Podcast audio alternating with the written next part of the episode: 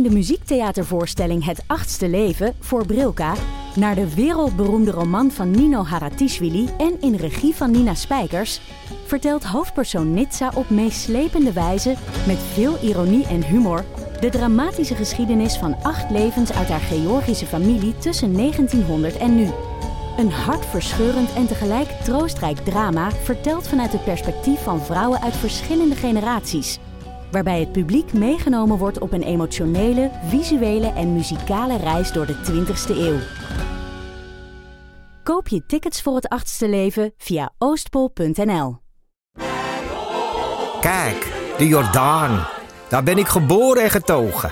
De nieuwe Nederlandse musical Onze Jordaan van Diederik Ebbingen is dit najaar in de theaters te zien. Koop nu uw kaarten op onzejordaan.nl. Leuk toch? Welkom bij Deel van de Amateur, aflevering 217. Deze keer met Ipe Driessen. Nou, dat moeten we nog maar even zien. En mijn naam is Botte Jellema. In de komende aflevering ga ik een boekbespreking doen. Oh, god. Ja. En voor de mensen die vriend van de show zijn geworden, wat er best veel zijn onderhand, gaan we nog een theezakjesvraag beantwoorden. Maar niet in deze aflevering. Nee, in een losse leuk. vriendenaflevering. ja.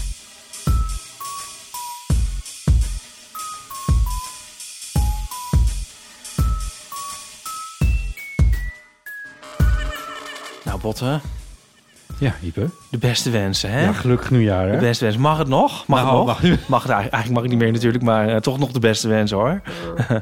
ja, eh, laten we er gewoon een eh, nog mooier jaar van gaan maken. En dan moet je twaalf mensen drie zoenen geven. Ja, Ja, ook voor jou natuurlijk, hè? Ook voor jou de allerbeste wensen. ja, ja, en dan elke keer weer iets nieuws verzinnen. of ostentatief niet. Oh ja. Ja. Hartelijk dank voor deze bijzondere herinnering aan Tante Jep. Ehm, Dat is toch een voordeel als je ZZP'er bent, dat je niet allemaal collega's hebt. dat je niet zo hoeft te traxeren op je werk. Ja, dat soort dingen. En dat je ook niet die hele, die hele rits af hoeft op de eerste maandag na 31 december. Maar wat is het? In ieder geval de eerste werkdag weer in het nieuwe jaar. Dat je dan iedereen... Ja, wat hebben we het goed eigenlijk. We hebben het zo goed. Wat hebben we het goed. Ja, Dat wij gewoon kunnen leven van het Ja. geld van de vrienden van de het show. is opmerkelijk dat wij zo ongelukkig zijn eigenlijk. Kan je nagaan hoe ongelukkig we waren geweest... als we ook nog op maandag naar ons- onze collega's gelukkig nieuwjaar hadden moeten wensen. Ja, Hoewel ik jou nu ook gelukkig nieuwjaar zit te wensen. Ja, wel- als een soort collega. Alleen wel weer vol ironie. hier ligt geen vloerbedekking. Plus dat dit, dit is... Dit is er, Ik, nu ik heb je al binnengelaten, ik heb je al thee Ik heb de secretaresse geen gelukkig nieuwjaar hoeven, hoeven wensen. ik heb wel een kantoorbaan gehad. Ik heb een kantoorbaan gehad. je een kantoorbaan gehad? Nou ja, kantoor op de universiteit. Ja, het was toch wel een soort praktisch... Een, ik bedoel, het was op de universiteit, maar het was wel een soort kantoorbaan. Ik had zo'n een werkkamer aan zo'n gang. Eh, met zo'n van dat tapijt. Zo'n zo'n plaatje op de deur, Ipe. Ja, ja. En, eh, en ook wel een poster op... Bijna verontwaardigd dat, ik Ja. dat ik de Oh. mogelijkheid openlaat dat het niet zo was. Ja, doctorandus. Dr. Anders. Ik ja. L. Driessen. Ja. En dat ik een, iets, een, eh, van mijn, dus een strip uit het U-blad van mezelf... dus eigenlijk op de deur had geplakt... en dat er iemand van gebouwbeheer kwam zeggen... dat dat eh, in strijd was met, eh, Met de regels. met de regels. ja, de huishoudelijke, met de Ja. huishoudelijke regels. Ja, want, en dat de architect dat hij die namelijk, dat, dat, dat namelijk had verboden. En dat ik zei van ik had het helemaal niet door dat dit gebouw dat er een architect aan te pas was gekomen. Ik dacht dat dat een soort, architectuur een soort uitgebraakt was door eh, moeder natuur. overgebleven? Na, na diverse pogingen en mislukt en afgekeurd. oh god, waar zat je dan? Zat je dan op het... Op In het bestuursgebouw zat ik. Waar is dat? Ja, nou daar zit het college van bestuur in. Op Ja, de Uithof is het dus. Oh, de Uithof. Ja, oh, de Uithof. Op de Uithof. En dat is Oh. zo'n eh, heel lange gangen waar je elkaar Ja. dan al van heel ver af aan ziet komen. Ja. En dan is het heel moeilijk om het juiste groetmoment te bepalen. ja, dat was het grootste probleem. Dat was echt een probleem. En eh, ja, van, ja, als je het te vroeg doet, dan gaat er nog heel veel tijd voorbij. Eigenlijk net als in een boswandeling. Dan lo- loop je zo en dan komt er iemand in de verte in het bos aan. Ja. En dan denk je van, Op welk moment? moet ik gaan acknowledgen? Moet het oogcontact of niet Ja. komen? Hi. En zo. Ja, en dan soms is het ook nog eigenlijk nog bijna te laat... dat je je nog allebei moet omdraaien... terwijl je elkaar al 500 meter zat. Nou ja, dat was daar in die gangen de hele tijd. Oh ja. Ja, en er was echt zo'n... eh, Ja, het was wel echt een baan-baan. Gefeliciteerd. Ja, het is toch leuk om meegemaakt te hebben met de geur van kop, kopieermachines en zo. En met, Ozon. ja, en, en met eh, koffie, koffieautomaten en zo. En wa- Waarbij iemand al dan niet iets de dag tevoren op tv heeft gezien en zo. Het was echt een baan. Gesprekken bedoel je? Oh ja, ja, ja, Ongelooflijk eigenlijk. ja. Dat heb je allemaal gewoon gedaan. Het is ook wel eens leuk om mee te maken. ja, maar ook wel leuk om ermee te stoppen. nee, het ehm, is misschien leuk, eh, inspirerend voor de luisteraars. Je kan ook met dingen ophouden. Nou, eh, dat is, ja, dat is dan mijn stokpaardje altijd. Dat dat moeilijker is dan met iets beginnen. Ehm, het is ontzettend moeilijk om ergens mee op te houden. Maar op een gegeven moment moest ik wel. Want ik had dus... We hadden wel eens vergaderingen. En eh, ik had af en toe gewoon paniekaanvallen van... Niet, niet van... maar, zeg maar omtrent mijn leven. Van ik verdoe mijn leven nu hier. Ik moet Oh. hier weg. Ik moet weg. Zat ik echt, maar ik voelde echt een paniek. Zo van, want ik wilde eigenlijk strips wel maken. Ja, ja. En ik voelde Wat erg. letterlijke paniek. Ja, dus toen eh, ben ik gestopt, gelukkig. Fijn, hè? Werd er, Echt naar mijn lichaam geluisterd gewoon eigenlijk. ja. dat, want dat werd, ge, werd opge, opgeroepen door vergaderingen. Ja, daar het meest. Want kijk, normaal was ik wel bezig. Maar ik was al bij vergaderingen, dan zei ik ook nooit wat. Want ik dacht, dan duurt het nog langer. Ja. En, ik, en als ik eh, per se iets wilde, dan regelde ik het wel gewoon... eh, ik vond vergaderingen echt vreselijk.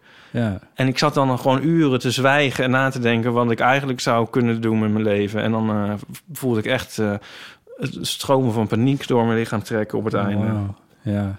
ja. Oh, wat erg. wat erg, hè? Ja. Vreselijk. Ja. Verschrikkelijk. Verschrikkelijk. Dan had je je toch wel maar goed ingemanoeuvreerd. En weer uitgemanoeuvreerd trouwens ook. Ja. Had je, toen je het opzij, had je, had je, had je een plan, afgezien van eh, fotostrips natuurlijk, maar Fotostrips, dat was het plan. ja.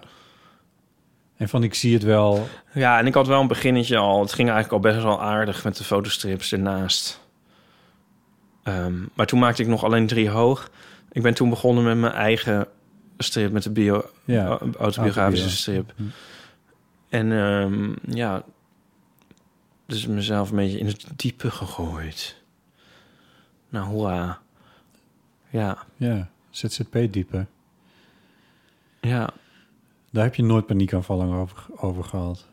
Nee, dat is ook grappig, hè? Ja, Ja. je hebt toch een vat van eh, tegenstrijdigheden. Nou ja. Maar goed. Heb jij nooit een eh, zo'n soort baan gehad? Nee. Nee. Wat er het meest op leek... Wat er het meest op leek was een stage die ik bij mijn bedrijfskundestudie, HBO bedrijfskundestudie heb gedaan bij Egon. Toen moest ik daar op kantoor zitten. Maar dat was een stage, dus dat is dan een paar maanden en dan is het weer voorbij. Ja. Dat was, dat was een hele ervaring. Omdat ik daar ook wel merkte van... Ik weet, wist toen ook wel zeker van... Ja, dit ga ik dus niet doen.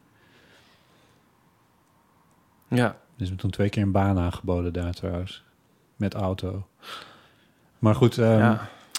en het, wat, er, wat, er, wat, er, wat ik wel een tijd heb gedaan... Ik heb een jaar of... Ik heb een eh, drie jaar bij, eh, bij de Afro Radio 1 gezeten.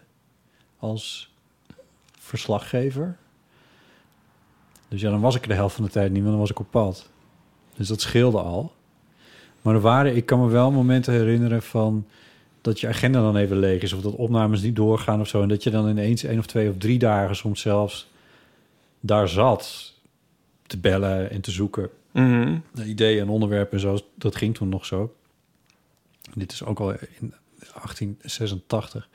Maar ehm, en dan waren er ook van die vergaderingen en ik merkte wel dat ik dat soort dagen die dan dacht ik ook van wat, wat ben ik aan het doen en en ik weet nog wel van collega's die dat echt niet begrepen, want dan zeiden ze van dat ik dan eh, moet je dan vandaag nee ik moet vandaag niet weg dus oh, oké nou zou je dan een gesprek kunnen voorbereiden gesprek in de studio Ja. dus dan bereid je een gesprek voor voor in de studio Ja.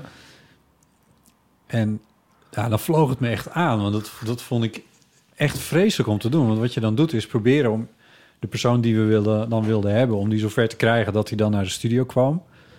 Eh, dat was één ding. En het tweede was dat je dan een soort voorgesprek hield... waarin je al even opschreef Oh ja. wat de vragen zijn... en wat de antwoorden, wat iets zo iemand dan ongeveer zegt... zodat de presentator een beetje weet welke Ja. richting het gaat. En, daar, en dat, dat, ik had het wel een paar keer zo ongeveer gedaan... maar ik werd daar zo, zo intens ongelukkig van. Oh. Ik vond het echt, echt verschrikkelijk om te doen. Van het hele van het voorproduceren en Ja, waarom is dat zo erg dan? ja. Sowieso, ja.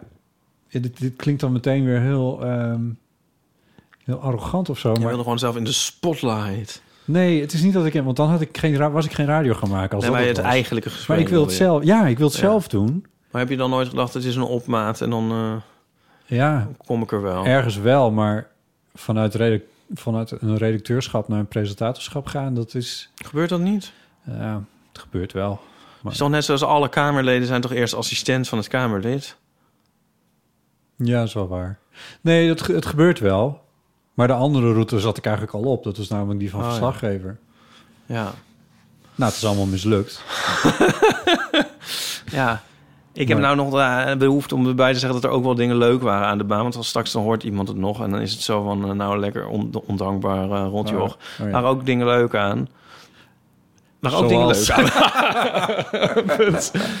nou, ik had wel een leuke collega. Ik had een legendarische eh, directeur in het begin. Eh, eh, en zo. En, eh, André Kloekom bedoel je? André Kloenkoen was de Ja. directeur. Maar eigenlijk was die we- alweer weg toen ik... Die nam me aan, maar die ging ook weg. Maar ehm, ja, dat, dat is een geweldig iemand. En ehm, Ja, Studium Generalum deed je. Hè? Ik bedoel, dat weet ik dan. En een paar mensen die luisteren. Maar oh ja, heb ik er niet bij gezegd. Ja, organiseerde... lezingen. ja, Ja. Ja, nee, dus het wa- was ook, het was ook best wel leuk. ja, inhoudelijk Een interessant. tijdje, Ja, even. ja. Nou ja, dus dat Nee, heb ik dat ook nog het- even gezegd. Het is wel grappig, want ik moest... Of mocht, of hoe zou je het zeggen? Maar in ieder geval, ik, ik was weer even bij de... In de Radio 1-studio om iets aan elkaar te praten op zondagavond. Pretty low profile. Maar het was wel op Radio 1. Het was wel heel leuk om te doen. Ehm, en toen was ik daar voor eerst sinds heel lange tijd was ik daar weer. En toen dacht ik ook na over het verschil tussen bijvoorbeeld wat wij nu aan het doen zijn, wat ik nu dus best wel veel doe, Mhm. eh, podcasting en een recordertje wat hier achter op de achtergrond loopt en buiten waait het en zijn mensen aan het bouwen en zo. En versus eh, die studio waar, waar een technicus zit met een CAO die er al sinds 1985 is. Met, helemaal allemaal kloppend en met stertijden en zeg maar alles, alles, alles, alles geregeld en uitgewerkt en waarin je dan waarin je dan veel meer een radartje voelt. Zelfs als je achter een microfoon zit, Mhm. voel je je maar een beetje een radartje in het geheel. Zo van ja, En nu zijn we autonoom. nou, volgens mij ja, volgens mij was dat wel een beetje een soort van tweestrijd. Van, van aan de ene kant is het heel comfortabel om daarin te zitten, maar aan de andere kant je kan geen kant op. Ik bedoel, als we nu willen stoppen met deze... We, we weten niet hoe lang dit gaat duren. Ik heb wat voorbereid, maar... Ik heb iets heel leuks voorbereid, komt straks. Oh jee. maar oh nee, we, kunnen doen, we kunnen doen wat we willen. En op het moment dat jij je huis uitloopt... en je bent vergeten om de sleutel mee te nemen...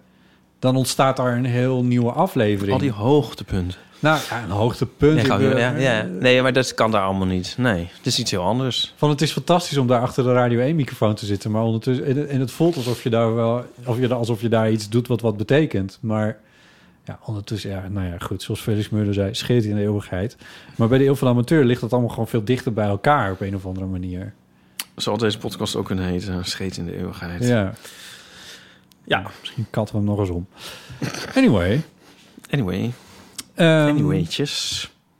eh, wat gaan we doen in deze aflevering? Ik zou niet weten, Botte, je hebt een draaiboek Ik heb gemaakt. het draaiboek gemaakt. Ik heb geen nietje gekregen. Het is gelijk weer zo'n jaar. Ja, het ontbrak me aan de tijd om je een nietje te geven. Ik kan nu zo meteen, als er, als er straks iets loopt, als ja, iets dan loopt, als jij ondertussen dan een nietje Dan pak ik dan even een nietje graag, voor je. Graag. voor in je draaiboek. Eh, we hebben wat fanart gekregen, naar aanleiding van dat we daar heel impliciet niet om vroegen. Ehm, in de vorige aflevering. Ja, dat is wel jammer, want zullen we het daar even over hebben dan? Die hadden we natuurlijk eigenlijk live moeten bekijken met de microfoon erbij. want dan hadden we kunnen gillen, want dat wilde eh, degene die dit stuurde graag. Dat we gingen gillen. Hanna van Amstel. Ja, stuurde nou ja, dat. goed, het- Dus de geel, ja, Hanna, super bedankt. De geel, die, die, is, die is op WhatsApp geweest tussen ons. die is tussen... Ja, Ja. dat wel. Kun jij jouw geel nadoen die jij hoorde? Ha. Was... Ik, had weet niet. van, Ja, nee, eh, ik vond het wel... Ik, ik was... Ik, ik, Ik- weet even... Wat er waren twee. Welke bedoel je nou? Ik bedoel nu die de mooie tekening. Oh ja, de, de tekening. Oh ja, ja. Eh, die, ik vond hem echt super grappig. En ik moest er echt keihard om lachen toen ik hem zag. En, eh, Grappig en lachen. ja, jouw lachen. emotie. En, eh, ja, en er was nog een derde emotie dat van, van wat ben ik knap getekend. Ja, ik wou net zeggen. Die, die, als, met permissie zou ik die wel willen gebruiken op eh, een profieletje hier of daar. nou, mijn reactie was zoiets van... Oeh! Denk ik. Oh, mooi. mooi. Oeh! Ja, ik heb hem nog een keer. Ja, misschien iets hoger, harder. Ja, want het is dus eigenlijk naar aanleiding van Sterren op het Doek. eh, Zei Paulien vorige keer dat ze dat had afgehouden. Want ze wilde niet ehm, als een soort Tjitske Reidinga... eh, ja, helemaal eh, een soort... eh, hoe zeg je dat? Appalled zijn over de resultaten. Ja, Ehm, en nu heeft eh, de, eh, dus Hanna van Amstel heeft ons getekend. En ehm, ja, hoe Paulien geklonken heeft, weten we niet. Maar we hebben hem wel doorgestuurd aan haar. ja, En eh, zij zegt, ha, ha, ha, ha, goed zeg. ja. Ja, ik, vind, ik vind het... Is het nou van een, van een foto Ja, ja, ken je, herken je de foto niet? Ja, maar... En wat wat mij wel dwars zit, op die foto dan eh, bedien ik het, eh, de klikkertje. zelfontspanner. En het lijkt, zij heeft dat geïnterpreteerd als dat ik mijn duim opsteek. Het is natuurlijk geen zelfontspanner. Hoe bedoel je? De, de tekening. Nee, je klikker. Wat? Jij triggert de ontspanning van de camera. Oh, zo ja. Oh ja, god, jezus. Ja, je hebt helemaal gelijk. Anyway. Ja, nou, eh, mensen moeten dit tekenen. Nou, die tekening die eh, zien ze wel als plaatje van de aflevering, had ik zo bedacht. Ja, dat is een goeie. Ja. Het was een plaatje van de aflevering en nu is het de tekening van de Hij aflevering. is superleuk. Maar inderdaad, Ja, hij zien we er allemaal heel knap uit. Ja, Ja, hoewel ik ook een beetje eh, dommig uitzie. Ik. Ja, maar dat is niet In heel good ver way. van... eh, Oké, dat was de fanart. ja, Super bedankt. ja. Zullen we door? Ja? Nee, je zit nog op je telefoon. Maar Nee. Ik weet niet wat er Nou, ik hou hem nu in mijn hand, want ik zie het volgende punt al opdoemen. Oh, het volgende punt, ja. Zullen we het daarover hebben, de verlopen houdbaarheidsdata? Het was een soort prijsvraag die Pauline had uitgeschreven. Ja. Namelijk, eh, is het mogelijk om een foto te maken van iets dat al zo lang in je keukenkastje staat, waarop jij aanvulde medicijnkastje, Ja. dat het wel absurd is en maak daar dan een foto van. Ja, en toen kregen wij... Ja, ik vond, begreep het niet helemaal, Bot. Heb je dit gezien? Een filmpje is het. Nee, Kijk, dit filmpje. ik zie een wijnfles, 1994. Ja. En het gaat in een, wat is dat, glühwein of zo? Wordt er een glühwein gemaakt? Oh ja, Hema, Hema zie ik ook nog staan. Oh, Even kijken hoor. Ik kan het filmpje niet stopzetten. een, een Hema-wijn uit 1994. Nou ja, Dat is ook wel vrij absurd. Maar die wordt hier gedronken, of... nou, die wordt ingeschonken. Oh. En ze zegt, eh, Janine is dit. Ehm, die heeft even in de kast gestaan. Het was een fles glühwein. Ik prikte de kurk stuk met een opener. We hebben hem maar niet opgedronken. Nee. Nou, ik vind het niet helemaal overtuigend. Ja, wijn uit 94 kun je toch ook wel drinken? Ja, maar Hema-wijn uit 1994? Maar we hebben nog een andere. Volgens mij heb ik hier nog een wijn staan uit 1996. Ja, echt. Hier Nou heb ik een betere. Ja, Kijk, eh, ontbijtkoek. Houdbaar tot 29-12-2013. ja dat, is wel, dat, is wel, Ja. dat is wel voorbij. Kijk, van de C1000. Dat bestaat Eh, schijnbaar nee, niet meer. Nee, dat... C1000, are they back in business? Ik kreeg bijna tien jaar geleden, zegt eh, Anne... een- eh, bijna tien jaar geleden kreeg ik van mijn oma een ontbijtkoektrommel. Maar ik heb er nooit meer ingekeken. Tot mijn man laatst ontbijtkoek kocht. En eh, toen heeft ze hem dus blijkbaar open gedaan. En toen kwam, bleek dus dat er in die trommel al die tijd nog een ontbijtkoek zat. Ehm, een pareltje, zegt ze zelf. En ik kon hem gewoon niet weggooien. Ja, Nou, dat snap ik. ja, dat begrijp ik wel, ja. Dus die is nu dan waarschijnlijk on display daar in huis. Er kwam nog eentje binnen, dit doe ik even uit mijn hoofd. Ik weet even niet meer via welk kanaal, maar er was iemand die had er geen foto van, want het was al weggegooid. Maar die was medicijnen tegen, het, eh, tegen pijntjes bij kinderen waar de tanden doorkomen. Ja. En dat was voor haar zoontje. En die wordt binnenkort 18. oh ja, Of zijn zoontje, dat weet ik even niet meer. leuk. Keep them coming. Keep them coming. Er is een einddatum voor deze prijsvraag.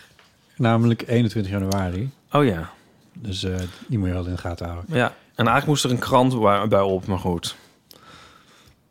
Oh, ja, dat was inderdaad... Ja, zo hadden we dat bedacht. Ja, dan moet de krant bij op. Ja.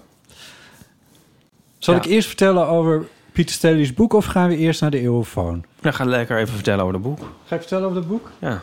Oké, dus. Je hebt een lekker opbeurend boek gelezen. Ik heb een... eh, ja, stond al een tijdje op mijn lijstje... en toen dacht ik, eh, ik ga dat in de kerstvakantie even lezen. Ehm, namelijk het boek Never Silent van eh, Peter Staley. En ehm, Peter Staley is iemand die al, waarvan wie de naam al vaker is gevallen in Deel van Amateur. De eerste keer toen wij ehm, bespraken, eh, hoe heet het nou? Eh, It's a Sin. Vorige zomer Ja. toen dat, toen dat uitkwam, die 35 televisieserie. Ehm, toen had ik namelijk gekeken naar de documentaire How to Survive a Plague. Dat is een documentaire uit 2012. En die draait om ACT UP. En dat is de club waar Peter Staley heel sterk mee is geassocieerd. Zeker in de beginjaren was hij daar eh, was hij heel, eh, heel erg een onderdeel van. Eh, hij is dus een AIDS-activist. En hij heeft nu zijn memoires geschreven eigenlijk. Of in ieder geval de geschiedenis van zijn leven als activist. Mhm. Ik heb het boek gelezen. Ik ben er in een paar dagen doorheen gejakkerd. Want ik vond het echt een waanzinnig verhaal. En zo goed geschreven. En met allemaal dingen die... Nou, die weer raken aan wat, wat we nu meemaken. En mensen die we nu nog kennen. En bladibla. Eh dus ik dacht, weet je wat? Ik maak er een soort boekbespreking Oh, van. jemig. Ja. Dus ik ga nu het boek bespreken. Ga je het voorlezen? Vroeger was ik hier het boek zelf niet, nee. Ja, nee, je bespreking. Nee, maar ik heb wel allemaal even op een rijtje gezet. Oké, omdat nee, ik, er geen, ik, wil ik dacht geen, dat je al begonnen was eigenlijk. ik wil geen fouten maken, want Oh, ik wil wil een cijfer na afloop van je. Oké. Ja. Ehm, Dan wil ook een stickertje erop. ja, wil ik ook heel graag. Het mag ook een tekeningetje zijn met een, eh, met een pen. Over die namen gesproken die we nu nog kennen en die allemaal meedoen. eh, dat blijkt al een klein beetje uit het voorwoord. Dat is geschreven door Anderson Cooper. Dat is die knappe CNN-host. Die homo is, die blonde. Ja. Eh, die heeft een voorwoord geschreven bij het boek. En er staan... Eh, Pieter Staley, als je dat zegt, dat is, klinkt een beetje als Peter Staley. Sorry, moest ik even denken. Heb ik dat maar even uit, uit de weg. Dat, in ieder geval, dan kunnen we nu gewoon verder. als het nog een keer in het Nederlands vertaald wordt. Sorry. Anderson Cooper, ja. Ja, Anderson Cooper.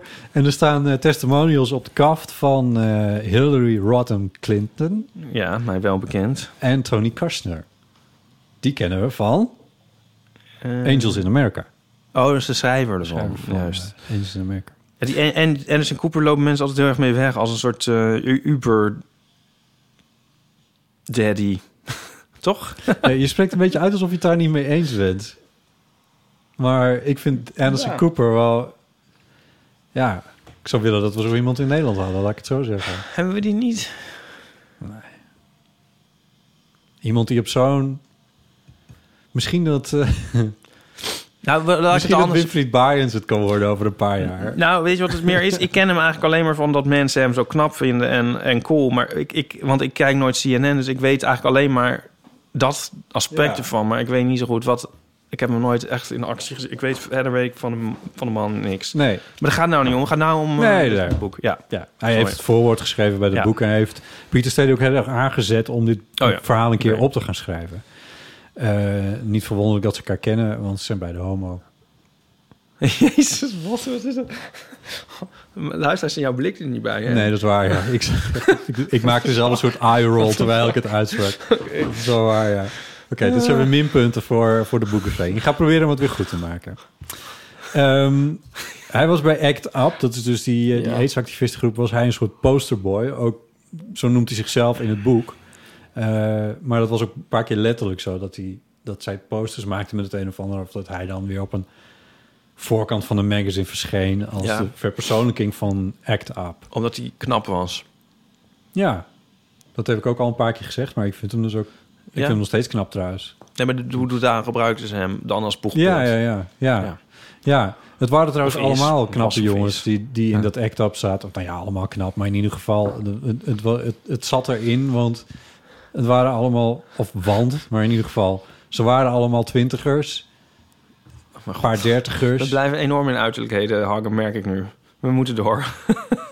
ja, het is mijn Ik schuld. vind het goed dat je naar de inhoud wil, Ieper. Ja. Ik heb drie pagina's voor me liggen. Oh god. Eh, hij beschrijft in het boek eerst in ieder geval de jonge jaren eh, van- zijn leven... en hoe hij begint, zijn professionele carrière begint als Wall Street broker. Hmm.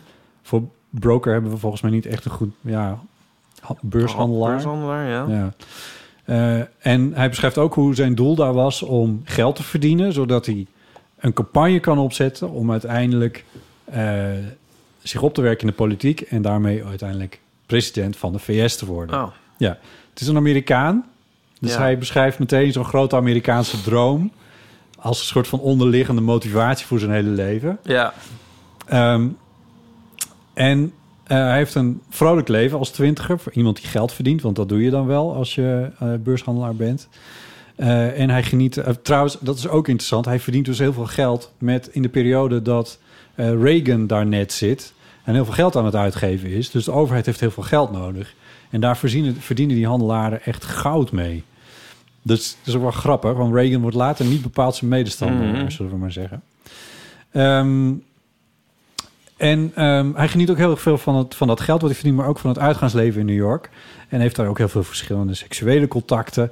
ehm, waar hij trouwens met weinig terughoudendheid over schrijft. Dus dat vind ik eigenlijk wel leuk, dat, het, dat er best wel veel seks in het boek zit. Ehm, Zit dat ook veel in de spreekbeurt? Of... nee, dit is de laatste keer dat ik over seks Oh, begin. Tenminste, ja.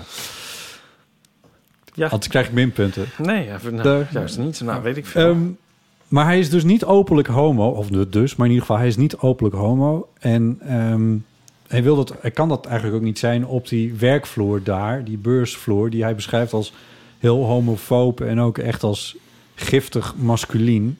Eh, die beursvloer is echt een ja, een soort plek voor haantjes. En dat doet hij in het begin dus heel erg aan mee, maar eh, als hij in 1985 24 is, dan heeft hij een naar hoestje. En op aandringen van zijn toenmalige vriendje gaat hij toch maar eens naar een dokter. Eh, nou ja, deze voel je al aankomen. Eh, die doet voor de zekerheid een, een HIV-test. En dan blijkt dat Pieter een lage T-cell count heeft. Eh, dat zijn een soort van verdedigingscellen of cellen die de verdediging aanzetten in het lichaam. En dat is een indicatie voor een HIV-besmetting. En hij test dus positief. En die hele droom van geld verdienen, politiek ingaan, president worden, die valt dan in duigen. ja. Nou, dat is, de- dat, dat is zeg maar het begin van het boek.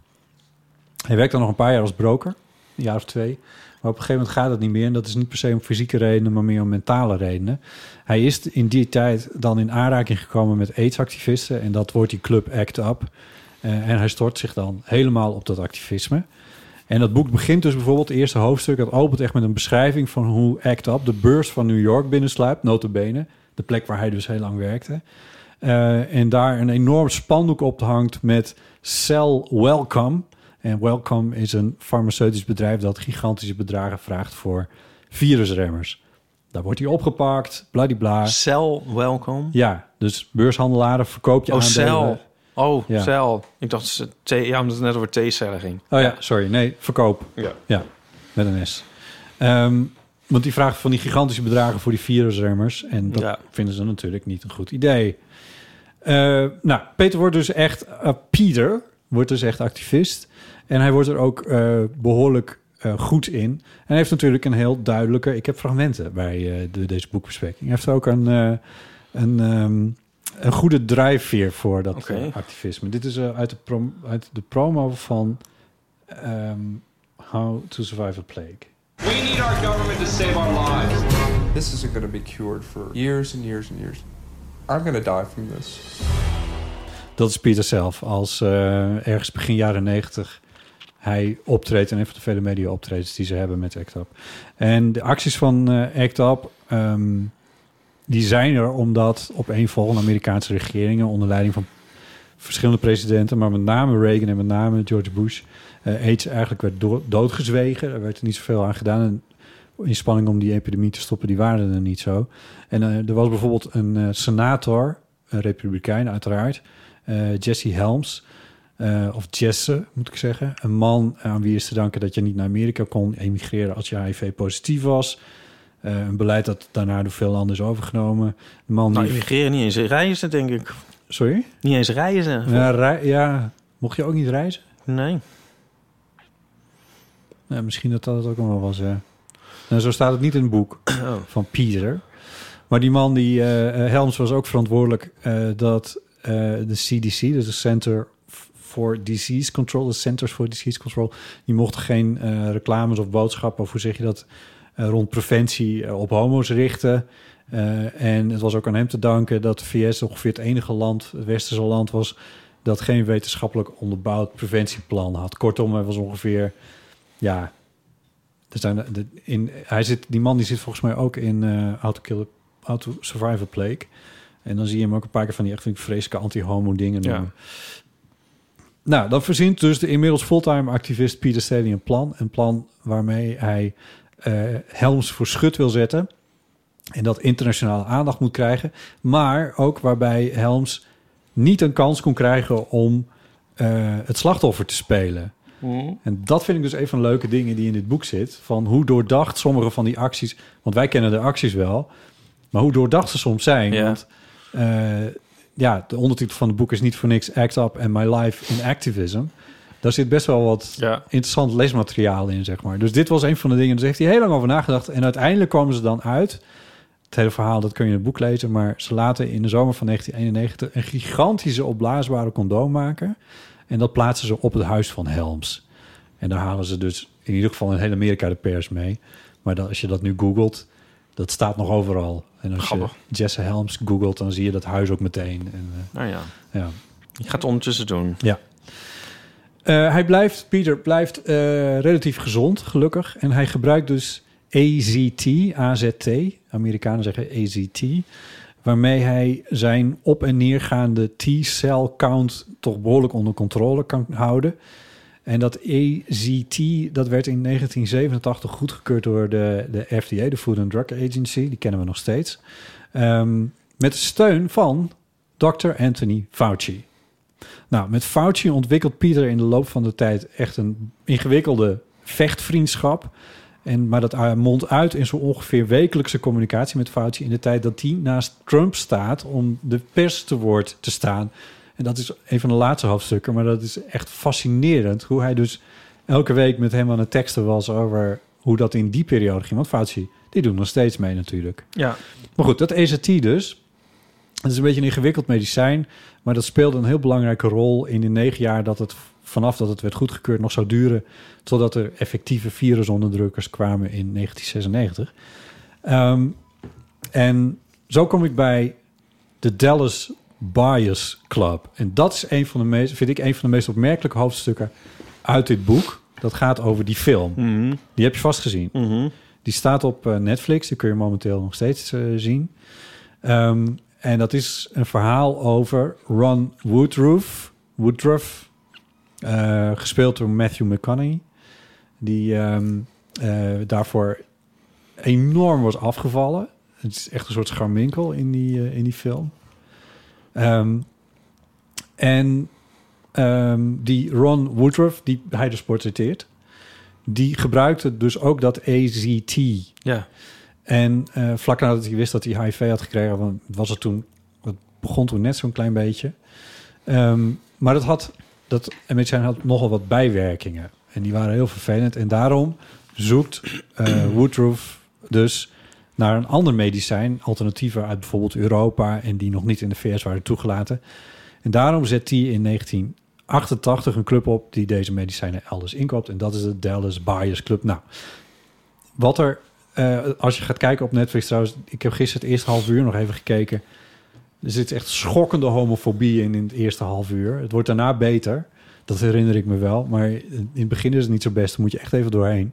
Uh, rond- even hoor, ge- gefictionaliseerd. Ik bedoel, bi- binnen de, binnen de fictie, Nee, toch? Nee, Van de film. dat, dat, is, dat is wel op werkelijkheid gebaseerd. Nee, maar ik bedoel... Hè? Wacht even. Die film... Ron wordt- Woodruff was redelijk homofoob in het begin.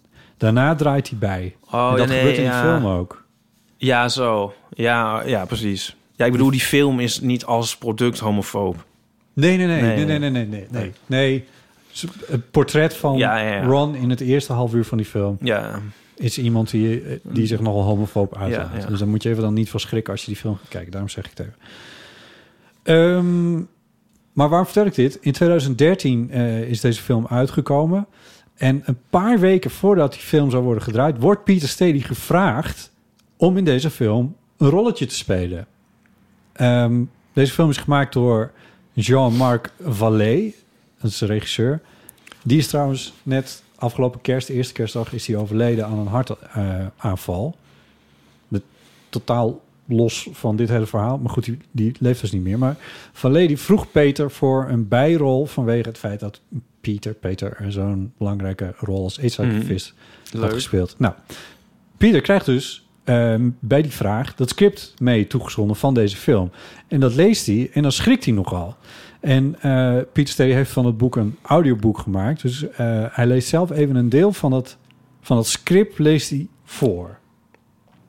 Page 59. Interior, Dallas Memorial Hospital. Hallway, night. Eve walks down the hall in mid conversation with Dr. Sieverd. Eve. Dr. Peter Duesberg, the molecular biologist? He says HIV is a harmless passenger virus. Dr. Sievert. Based on what? Eve. That women aren't contracting AIDS at the same rate as men. Not to mention, no one has been able to infect an animal with AIDS. The point is, we don't know for sure if HIV is the cause. Deze scène zit dus niet in de film.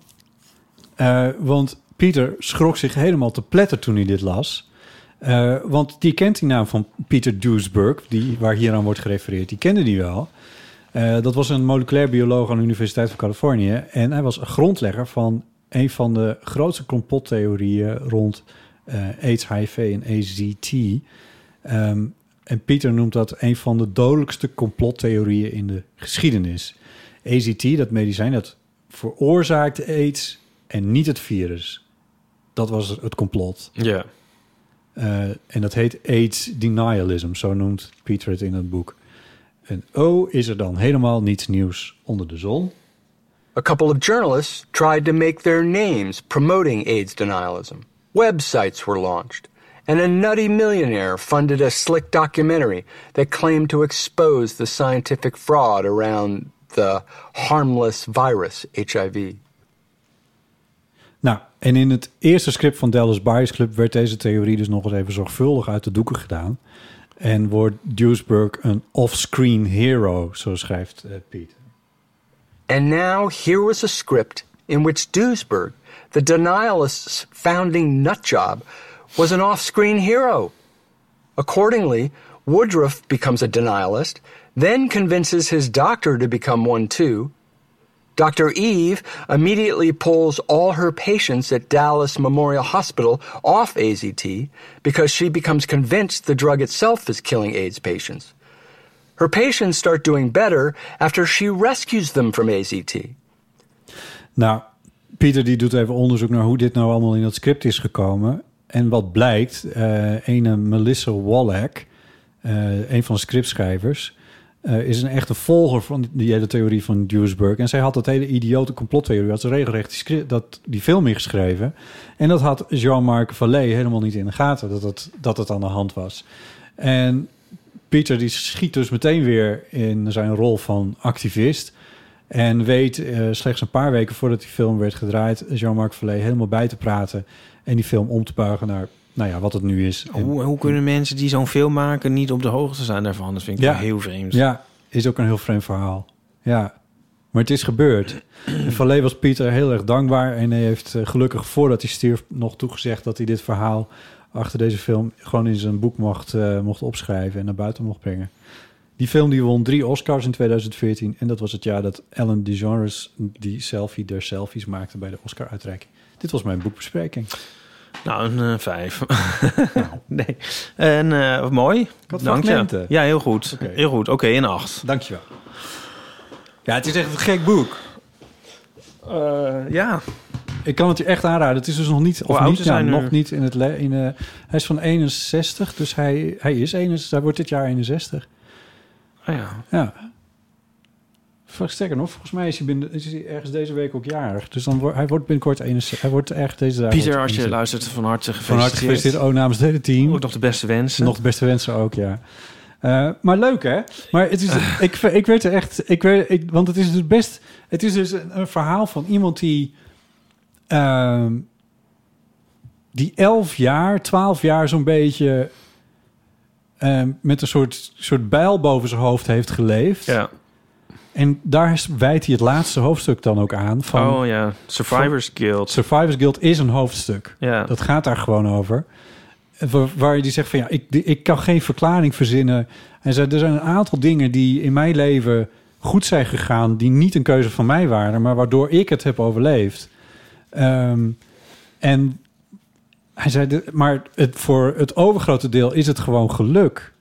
En hij heeft dus ook echt heel veel moeite gehad om daar, nadat in 1996 duidelijk werd van, en dat, dat is echt een mooi moment in het boek, dan, ontdekt, dan ontdekken ze dus die combinatietherapie. En dan eh, is, eh, verandert HIV van een dodelijk virus in eh, iets wat je chronisch hebt. Ehm, en wat je niet meer kan overdragen trouwens, moet ik er dan ook maar even voor de, voor de volledigheid bij zeggen. Ehm, en daarna is hij, hij neemt dus die combinatiemedicijnen en binnen drie maanden is hij gewoon, is zijn T-cell count weer helemaal wat het moet zijn. En is hij undetectable, zoals dat heet. Ja. Eh, en heeft hij ineens een leven voor zich. Wat hij dus, hij heeft dus echt zijn hele... Tussen zijn 24ste en zijn, en zijn 35ste met het idee geleefd... wat hij zelf ook zei in dat ene fragmentje.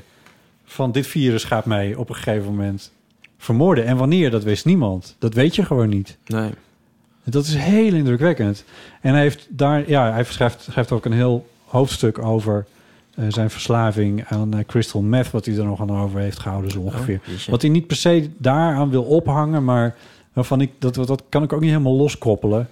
Van ja, je hebt dan ineens nog een, het blijkt je toch nog een keer zo lang te leven als misschien aanvankelijk, als wat je de- je hele twintiger jaren En wat, hoe koppelt hij dat dan? Dat hij dan... Nou ja, hij, dat vind ik dus wel heel tof aan dit boek.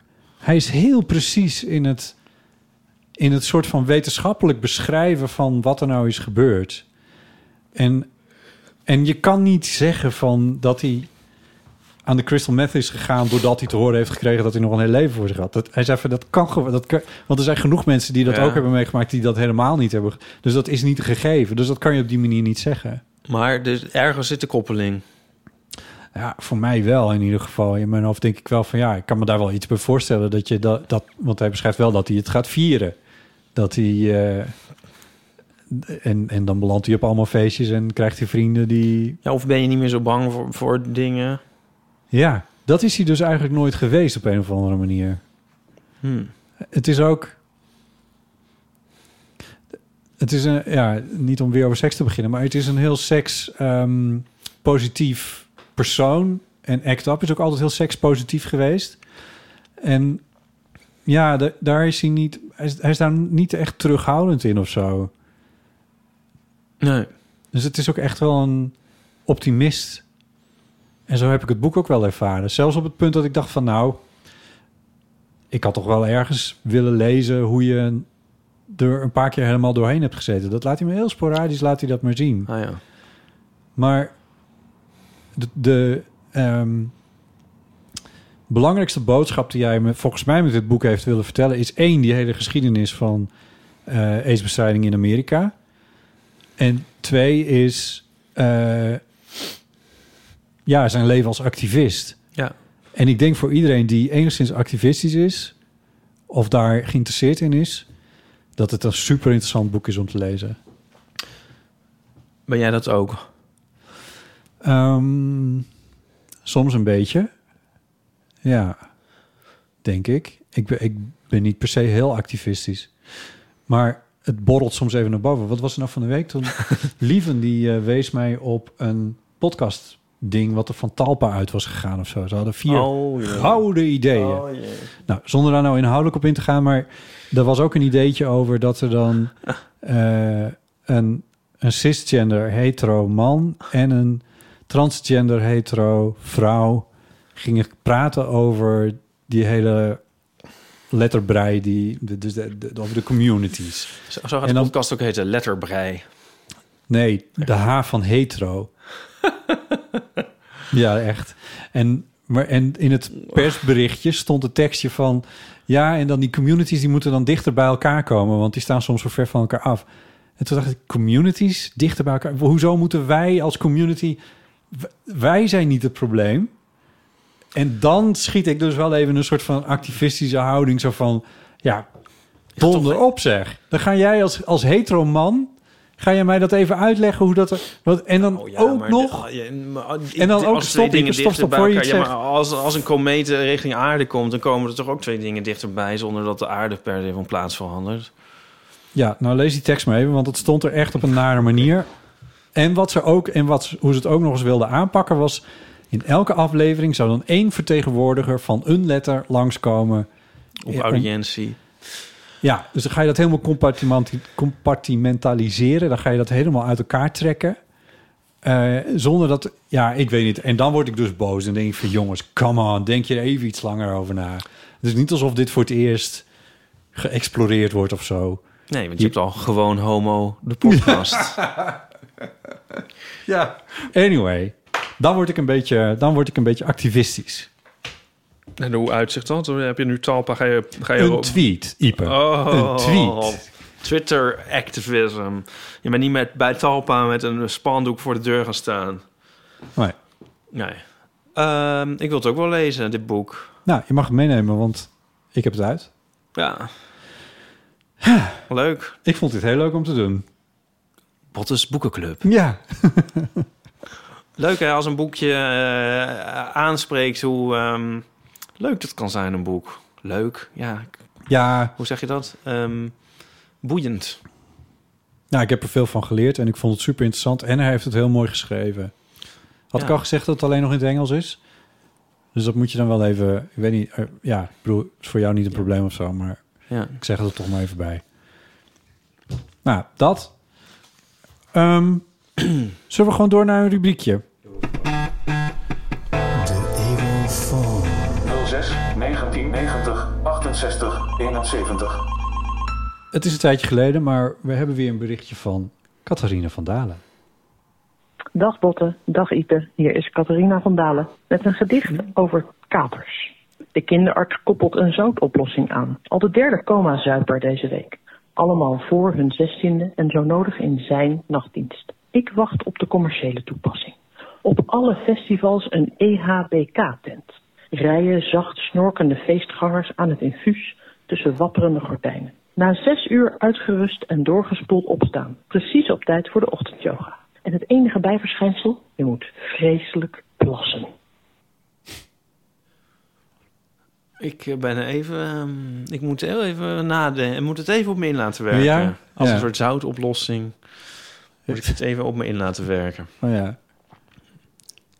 Ga, ga je dat doen Er was dat niet nu, iets of- van context bij of zo? Nee. Dit kan gewoon zo, Ja. het gedicht. Ja. Oké. Ja. Nou, hartelijk dank, eh, Dit- dit- lieve Catharina. Het ging heel snel, maar er was dus een gedicht. aanleiding. Was wel een aanleiding.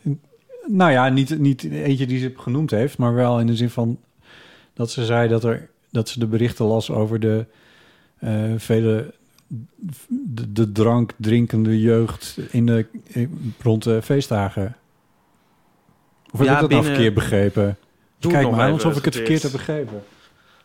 Dag Botte, dag Ipe. Hier is Catharina van Dalen met een gedicht over katers. De kinderarts koppelt een zoutoplossing aan. Al de derde coma-zuiper deze week. Allemaal voor hun zestiende en zo nodig in zijn nachtdienst. Ik wacht. Huh? Dat was toch in het nieuws dat er zoveel mensen met drugs en drank op de EHBO's terecht waren gekomen met de feestdagen? Ik weet dat niet, maar zij zegt dat. Zij, Zij zegt het niet, nee. Nee, oké. Nee.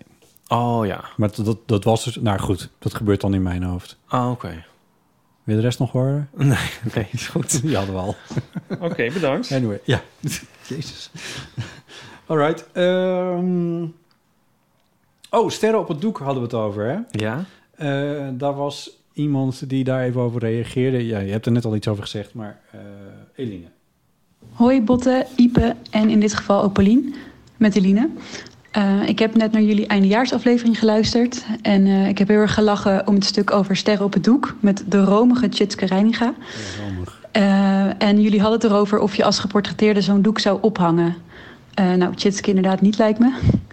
Ehm, maar wat nou heel grappig en toevallig is... ehm, ik maak als hobby eh, collages van stukjes papier... en ik gebruik daar onder andere papier uit het Volkskrant Magazine voor. En terwijl ik dat doe, luister ik vaak naar jullie podcast.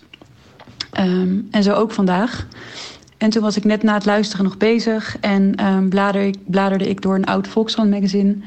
En toen stuitte ik op een artikel eh, over de portretten uit Ster op het Doek. Eh, en die overgebleven portretten worden dus geveild. Eh, en in dit artikel worden mensen geportretteerd die zo'n doek hebben gekocht. En zo ook ene Peter Slaun. Die heeft een portret gekocht van Gerard Joling. Waar hij overigens geen fan van is. Ehm, maar hij vond het een heel mooi doek. En ehm, ik citeer hem. Toen Gerard Joling dit portret zag in de uitzending, schrok hij enorm. Ehm, ik schrik er zelf ook nog altijd van, maar het is de schrik van blijdschap. Nou, dat ehm, eh, wilde ik even met jullie delen. Ik vond het heel toevallig en ik dacht, ehm, de schrik van blijdschap, misschien kunnen jullie daar iets mee. Ehm, nou, heel erg bedankt voor het maken van de podcast. Ik, eh, ik luister volgend jaar eh, vrolijk verder en ehm, de beste wensen dan maar. Tjus. De beste Tjus, wensen bedoel maar. ik. Tjus. Dag. Dag, dag. Beste wensen nog, hè? Beste wensen. Beste wensen. Eh, ik wist niet dat ze geveild werden. Dat was Ik- nieuw. Ook niet. Nee. Er is een heel beroemde van Erika Terpstra, die ken je wel, toch? Eh, Die is Nee. wel, dat is de beroemdste. Die is wel geweldig. Ken je die niet? nee. Nee, Wacht, ik volg, ik even. volg het allemaal niet zo. oh mijn god. Die schrik, dus, dus Oh, jezus. schrik van blijdschap. Wat heftig dit. dit is een soort, soort, soort eh, Zuid-Amerikaans Pas op hè, religieuze... wat je zegt.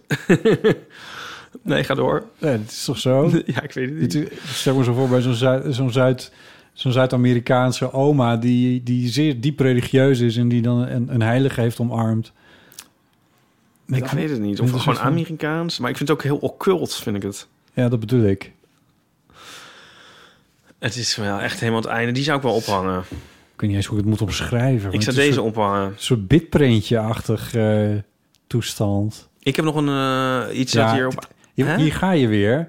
Dat is net als dat, dat eh, vader Abraham en Pim Fortuyn, of wat was het nou? Pa- Ja. Vader Abraham en... eh, ja, dat was, Wat is ermee? dat, dat- Hebben nog mensen ingebeld of ze dat ook hebben? Hebben nog maar... nee. Heeft niemand, heeft niemand dat Nee, ook? maar dan, dan, Ik sta hier weer helemaal alleen in. Ja, maar dit ga je dan...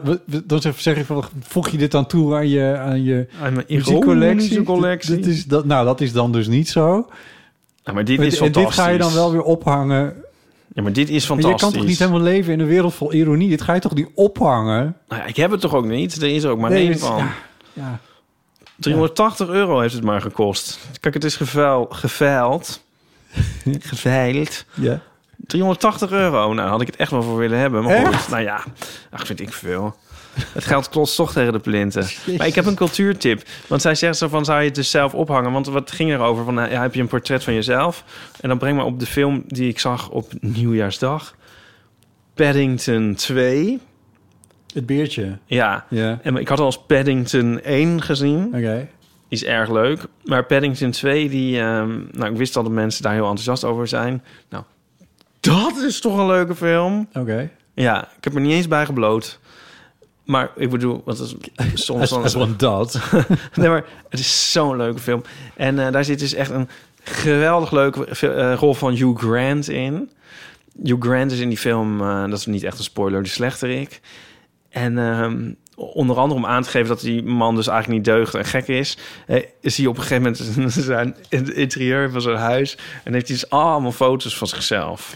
maar dat zijn allemaal oude foto's van Hugh Grant... maar dan een beetje zo'n soft focus... want hij is in die film ook alweer een jaar of zestig of zo. Oh, ja. En het zijn allemaal die jonge foto's. Het is zo leuke film. En moet je echt kijken. Ik, ik durf echt te zeggen dat die rol van Hugh Grant in Paddington 2 is de leukste rol van welk acteur, waarin dan ook, ever. Wauw. Enkele uitzonderingen daar gelaten.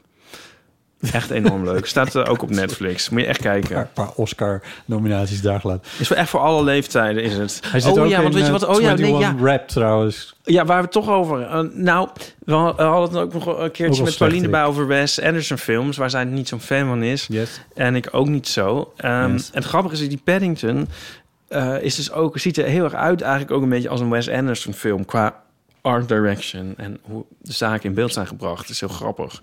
Ehm, maar, dan, maar dan is de film eromheen ook nog leuk. Jezus. Snap je? Ja. Ja. Nee, knap hoe je dit toch weer een sneer nou eens en dus Ja, van weet te maken. Maar Ja. eh, eh, ja, het mag. Ja.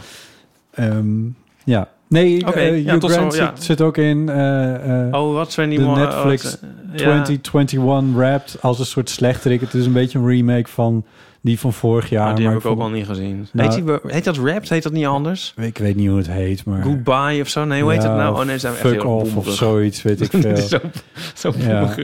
Wacht, ik ga het opzoeken. Dan Ja. kan jij het monteren alsof we het wel in één keer wisten. Nee, ach, hoe heet die film nou? de titel is me nog niet bijgebleven. Maar het maakt ook niet zoveel uit. Het staat gewoon op Netflix. Als je zoekt op 2021, dan vind je hem wel. Het is eh, uit eh, de stal van de Black Mirror jongens. Het is- je moet wel een beetje van zwarte humor houden, anders dan kom je er niet doorheen. Hugh Grant speelt daar dus ook een slechterik in. In zekere zin. Oh, ja. Gewoon een moreel slechterik. Ah, Ja. ik, ik, kan, ik, kan, ik, kan niet tegen ik kan ook niet tegen Black Mirror. Ja. Irritant.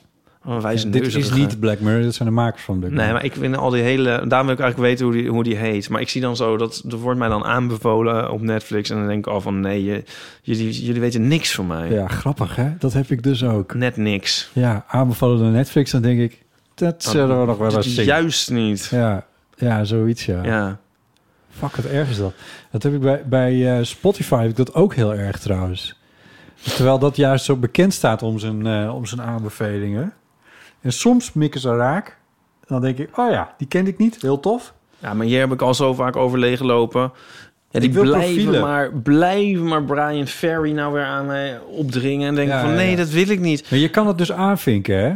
Ja, ik blijf bezig. Maar ik, eh, Ja. en laatst, had ik, eh, laatst had ik de final van Wham gedraaid. En dan komen ze daarna met Johnny Hates Jazz. nou, ik vind dat gewoon een, een klap in, in je gezicht. Vind het wel fijn dat jij een hekel hebt aan iets wat heet jazz. heet. Dat is waar. dat klopt eigenlijk niet, hè? nou, ik moet ook wel zeggen, ik had ook toch nog wel een aardig liedje toen toen ik het weer eens hoorde. Oh god. Nee, maar ik vind het een beetje dan alsof je op de terugweg van een drie sterren restaurant nog bij de McDonald's stopt. Als je me eerst de final helemaal laat draaien en dan daarna zegt van... en hier heb je ook nog een liedje van Johnny H. Jazz. Oké. Ja, Grappig, ik doe een beetje puristisch en grappig voor de, een beetje heel, ja. heel raar elitair over Ja. dingen. Terwijl het En dan allemaal... moet ik me dan weer toe verhouden, terwijl ik het niet recent over heb. gaat. Terwijl op Nee. de final ook gewoon Wham Rap staat. Oh. En Bad Boys. Hebben we nog misschien een beller? We hebben nog een beller. Ehm, Stijn heeft een paar keer gebeld. Ehm, maar Stijn hadden we al een keertje gehoord over dat cadeau voor zijn vriend, namelijk de museumjaarkaart. En dan in 12 steden 13 ongelukken voor. Oh, wacht even hoor, dan moet ik opletten. Zeg Ja? het nou nog eens. Nou, hij had zijn vriend cadeau gegeven, museumjaarkaart. Ja. En dan elke maand gingen ze dan naar een museum, naar een film in een ander, nee, naar een museum in een andere Oh, en toen hadden wij gevraagd van laat nog eens weten hoe dat gaat. Hey Botte, Ipe en eventuele gast.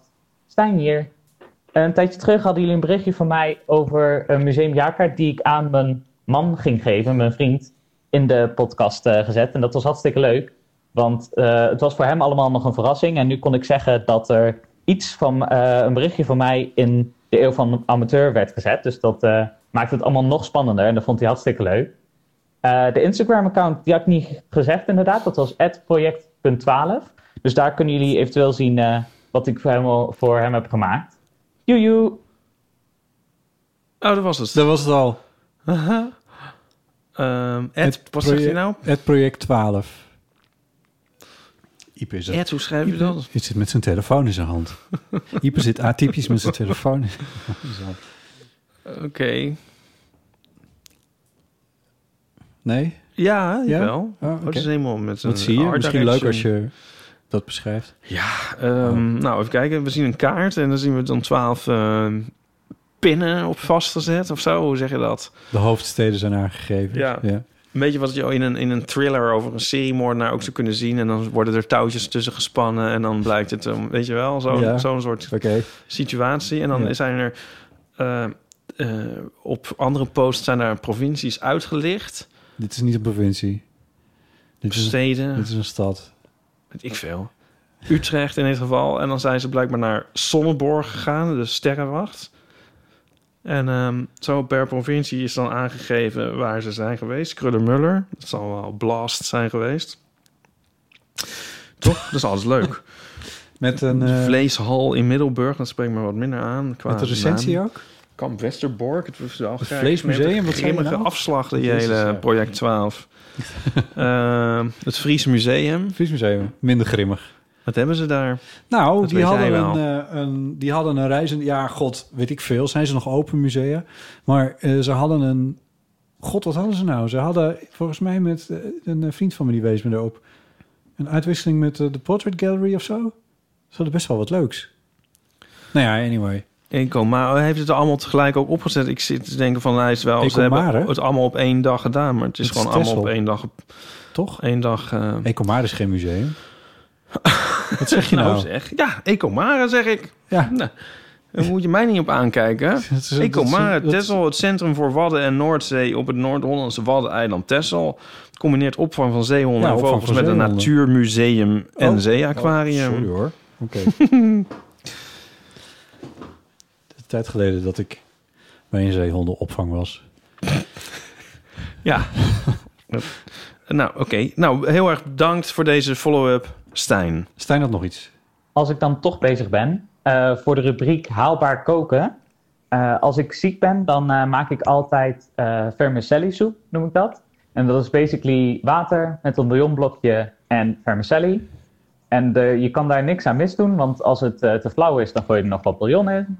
Als het eh, te zout is, dan doe je er nog wat water in. Als de eh, vermicelli nog hard is, dan kook je nog wat langer door. En eigenlijk stiekem kook ik het zelf altijd veel te lang door, waardoor het een soort van brei wordt. En dat vind ik dan helemaal prachtig. Maar je kunt natuurlijk ook gewoon zo lang koken als het moet. En dan eh, is het eh, misschien iets lekkerder. Maar ik dacht, god, dat is wel zo'n makkelijk recept. Je kunt zo weinig fout doen. Dat is wel haalbaar koken. Dit is zeer haalbaar. Het is misschien te haalbaar. Ja, het is, het is dat haalbaar kook. Dat is toch. eh, we moeten deze rubriek misschien maar weer schrappen. Want of het is dat je denkt van, nou, hoezo is dit haalbaar? En anders is het van. eh, ja, weer de hè, hè, focaccia ja. Met, met, Pro- ja, Provençaalse kruiden. Pro- pro- Dat je denkt van ja. wij, moesten een keer een vegan, of heb ik dat de vorige keer al gezegd? Eh, een, een, ons favoriete vegan recept eh, inleveren voor een. Rubriek in het parool. eh, nee, en, eh, voor mensen die gingen trouwen. En toen eh, Oh, ja. kwamen er ook niet zo goed uit. En toen had ik zo een, een fotostripje gemaakt van dat ik een banaan pel. Ja. Dat is weer heel haalbaar. ja, in, die, in dat, dat territory zijn we nu een beetje terechtgekomen met onze rubriek haalbaar koken. Het mag, mag wel iets, iets, mag wel iets meer uitgedacht. Iets waar wij nog niet aan gedacht hadden, maar wat haalbaar impliceert ook van... Nou, eigenlijk had ik gedacht dat ik het niet zou kunnen. Maar het bleek toch haalbaar. Dus er moet wel iets van een uitdaging in zitten. Ja. Ja. Maar ja, Ja, ik wil. Stijn ook niet tekort ja, doen. nou, Het is super, super lief, zou ik zeggen, voor zichzelf. Ja, lief voor jezelf kan ook. Eh, om op... It, it's fine. Maar het is... Het is eh, ik vind het aan de haalbare kant. Het is wel heel haalbaar. Nou, ik eet altijd noedels. Dat heb je misschien wel eens misschien Ja, doen op eh, de studio. Nogal, nogal haalbaar. Ja, dit is vast wel een fascinerend feitje voor de luisteraar. Die laat ik eh, met alle CO2-uitstoot van dien overkomen uit Duitsland. Maar daar Dit hebben ze... vertel je net iets te vaak. Ja, maar vertel- aan- aan- daar hebben ze zo'n lekkere noedel. Ja, Ja, ik zou oh. dat iedereen gunnen. Misschien kunnen we er een soort petitie voor doen... dat die in dat Nederland is ook niet waar, wij mogen niet aan jouw noedels komen. Want die zijn helemaal speciaal uit Duitsland voor jou naar Nederland Dat geïmporteerd. klopt, ja. Nou, Nou, ik kan het wel misschien zelf een, handeltje in beginnen. Dat zou natuurlijk wel kunnen. zeker. Maar die zijn echt heel erg lekker. De en dus Buyers vegetarisch. Club. Ja, de Driese Buyers Club. en eh, ja, en die zijn dus heel erg pittig. En dan, ga ik altijd, dan krijg ik altijd een soort helemaal nat hoofd. Dan moet ik daarna met een handdoek mijn hoofd afdrogen. Jezus, wat goor. Dat ik dat vertel. Ik kan haalbaar moet het ook een beetje aanbeveelbaar zijn, vind ik Oh, zo. maar het is echt vreselijk lekker. Het is echt een soort... eh, ik, ik leef daar echt van op als ik dat neem. Het zit erin. Begin je toch. Ja, het is gewoon een heel Vraag- pittige, lekkere noedel. Maar niet zo met zo'n laffig... eh, je hebt hier ook van die noedels en dan met eh, gro- groentesmaak, zeg maar. Ja, je zit gewoon een kwartje in. Die zijn echt niet lekker. En dit is echt heel lekker. Je vat hem niet. Nou ja. Ja, ik hoor het wel. Ja. Je besloot al met te negeren. Ik besloot het te negeren. Dat leek me beter voor iedereen. Maar ja, want jij hebt toch weer Dat ik weer over druk gillend het licht ingetrokken.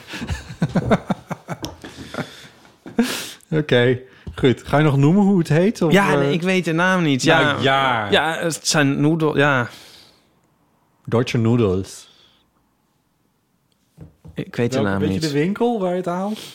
Amazon. oh mijn god. Ik- ja, mijn god. Hij k- kijkt echt alsof ik het bij... Nou ja, bij het Nooit iets bij het Amazon voor. Democratie bestel. Zo keek jij. Ja. Hey, ik was gisteren... Heb ik, ehm, ik heb weer een tip. Dat is ook een, ook een soort haalbaar kokentip in de zin van dat iedereen dit had kunnen bedenken al en waarschijnlijk ook al gedaan heeft. Maar ik heb gisteren de Amsterdam Light Festival route gelopen. Oh ja. Haalbaar, haalbare kunst. Ja, en een soort haalbaar uitje, want er mag natuurlijk weer de hele tijd niks. Ehm, en dit mag dan wel, schijnbaar, nog net op een nippertje. Hoewel ze dus eentje er hebben uitgezet.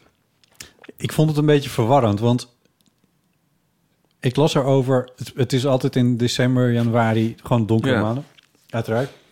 Maar ze hadden dan, nou, dan ging alles dicht en dan ging Light Festival had dan besloten dat ze s'avonds het dan toch ook maar uit zouden zetten, want het was toch niet de bedoeling dat mensen nog weer dingen zouden gaan doen. Nou, volgens mij was de gemeente, in de gemeenteraad was daar een discussie Oh, over. oké, is dat niet doorgegaan? Ik vond het Light Festival wilde natuurlijk wel aan eh, hebben. Ja, come on, het is gewoon buiten. Ja, maar dit is, het is aangebleven. Nou, omdat mooi. ze toch nog net... Ja, want ik bedoel, de hele wereld is aan het dansen en feesten. En, en, en, en hier Ja. zetten we zelfs de lichtjes nog uit. Ja.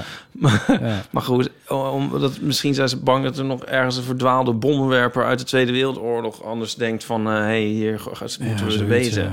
Maar goed, ze zijn dus aan. In principe, behalve eentje is uit. Je inwoners zouden toch eens een keertje een vorm van geluk ervaren. Ja, maar als je dus wel dat geluk wil ervaren, want dat kan dus, want ze zijn dus aan, behalve eentje, dan kan je dus de- naar Amsterdam Light Festival, punt, weet ik veel wat, en dan eh, ehm, kun je daar de route vinden. Ja. Trouwens wel voor 57.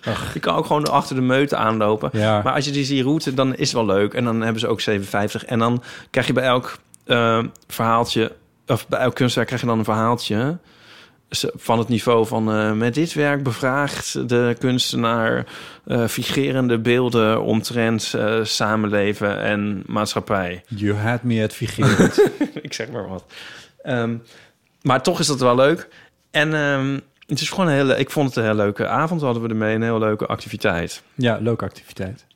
Ja, Je moet er wel voor naar Amsterdam. Ja, je moet wel van afstaan. Je Maar het wordt ook al vroeg donker, dus je kan het ook gewoon al eind van de middag kun je het ook al doen. Ja, en eh, je loopt ongeveer om mijn huis heen. Ja, je loopt eigenlijk met een soort wijde boog om jouw huis heen. Ja, daar komt het in feite neer. En eh, eh, wat wou ik nou nog zeggen? 57, Eh, leuke uitjes. Gemeente Amsterdam. Geluk. De ja, wereld. Nou, ik weet niet meer. Het was gewoon heel leuk. Ja. Het was een leuke speurtocht. Mooi. Ik denk dat het ook leuk kan zijn met kinderen eventueel. Het is, het is, het is, je doet best wel een tijdje over. Twee uur wel, of misschien wel iets langer. En eh, zes en een half kilometer leg je af. Zes en een half? Ja. ja, ze zijn best wel verspreid. Dus je moet wel... Of je moet een soort meditatief moment met jezelf inplannen. Of met leuk gezelschap. Ja. Want het is ook wel van... Het is niet zo van eh, de ene en dan hup, steeds de volgende al. Je sjouwt wat af. Het, eh, Het is eigenlijk een bezoeking. Het, het is wordt eigenlijk vreselijk. Ik zou het iedereen haalbaar. afraden. Zet ze ook maar uit trouwens. Oh god. Oké. ehm, volgens mij gaan we dit doen.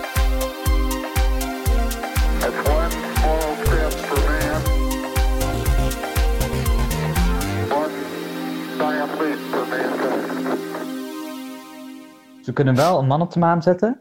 Maar als ik onkuise filmpjes kijk, krijg ik nog steeds advertenties voor grootborstige dames. Terwijl dat niet mijn eh, interesse wekt. Eh, terwijl ze ons altijd waarschuwen voor dat big data alles van je weet. En je data is niet veilig. En je moet goed letten op je privacy. Maar toch zoiets bazaals eh, krijgen ze niet eh, onder de knie. Stijn dus weer. Het is onze soort Stijn special. Ja. Ja? Ik vind het een goeie. Ondertussen dacht ik ook van... Het kan ook zijn, Stijn, dat het dus werkt. Alles wat jij tegen privacy-instelling hebt... of voor privacy-instelling hebt gebracht. Of dat Big J daar iets van jou weet... wat je bij jezelf nog niet ontdekt Ja, hebt. dat zou natuurlijk ook zomaar kunnen. Ik vind hem wel van alle markten thuis. Want het is Dat zo is, van Westerbork, Ecomar en het Fries Museum... naar eh rondborstige data. dames op Amazon. internet. Oh, ja. Ja, Maar dit tezijde. ja. Het is een special, of niet natuurlijk? Ehm, Ja. ah, ah, ja. Ik moet heel erg denken aan iets wat Nico zei, wat echt heel grappig was. Nico die eh, is eh, dan toch om en zit op TikTok. Oh, echt? Ja, en hij had daar heel veel plezier mee. En hij stuurde mij deed het filmpjes door van, eh, van grappige honden op roltrappen en weet ik veel wat allemaal. En eh, helemaal, helemaal plezier had hij. Mooi. Ja, en toen... ehm, hij is wel een lurker, dus hij, hij kijkt het allemaal alleen. Maar hij was er echt heel positief en optimistisch, dus zeg maar, hij helemaal blij van. En toen laatst zei hij... Oh nee, TikTok heeft ontdekt dat ik gay ben. En nou weten ze het. En nou is het dus alleen maar... Ja, nu krijgt hij... Dansende gespierde, veel te jonge jongens. Ja, Ja, en eh, ja. ja. Het is grappig. Bij, ik, ik kan Verpest. Op, op Instagram gebruik ik de zoekfunctie dus echt nauwelijks. Maar af en toe natuurlijk zoek je iets op. Dus dan druk, dan druk, je op, druk ik op dat dingetje. Ja, zullen we eens En- even kijken? Ja, nee, ja, het is meteen mis. Eh, maar het gaat in vlagen. Want de ene keer staan er dus Valt mee. shirtloze, j- veel te jonge hunks staan erop. En de andere keer staan er weer vol gitaren. Dus het, het bij, bij Instagram fluctueert het bij mij een klein beetje. Ik doe het echt heel goed, vind ik. Ja, maar dit is dus niet definitief. Ja, dit ziet er heel goed uit. Ik weet niet precies wat dit is waar ik naar zit te kijken. Nou, ik bedoel, Maar- ik, ik, ik heb hem... Ik ben al bijna een soort... Ik heb hem het al bijna afgeleerd. Vind je niet? Ja, maar mijn punt was dus net Ja? dat het fluctueert. Oh. Nou ja, oké. Maar de, nu, als ik nu de steekproef neem... Moet toch een... eh, maar ik bedoel, ja, maar het is vreselijk. Het is gewoon vreselijk. Je krijgt, het gewoon, je, je krijgt het gewoon de hele tijd opgedrongen. Ja, en wat ik dus ook niet zo goed begrijp is dat... De, dat Of gaan mensen nu zeggen van... Ja, maar je hebt toch iets zelf gedaan... wat in deze richting drijft. Ja, maar er is een algoritme wat daarop aanslaat. Ja, maar het is hetzelfde als met die... Ja, ze Maar begrijpen waarom- ons niet. Ze Nou, begrijpen ons niet. Maar waarom laat bijvoorbeeld zoiets zou een podcast, de H van Hetero's, even een keer uit moeten zoeken hoe Ja. het nou zit. Waarom laat zoiets als Spotify, maar ook Instagram en TikTok... waarom laten die ons niet zelf ook aan die knopjes draaien? Dat begrijp ik niet. Dat zit gewoon nergens in. Alles wat met algoritmes werkt, werkt... Nee, dat is een soort, soort computer magisch iets waar je niet aan mag komen. Terwijl ik denk van... Ik zou best een beetje aan die knopjes willen draaien. Zoals Nico dan bijvoorbeeld denkt van... Nou, ik wil helemaal niet... Dat, nee, maar ze denken dat... dat ze het beter weten, ja. Ja, maar misschien...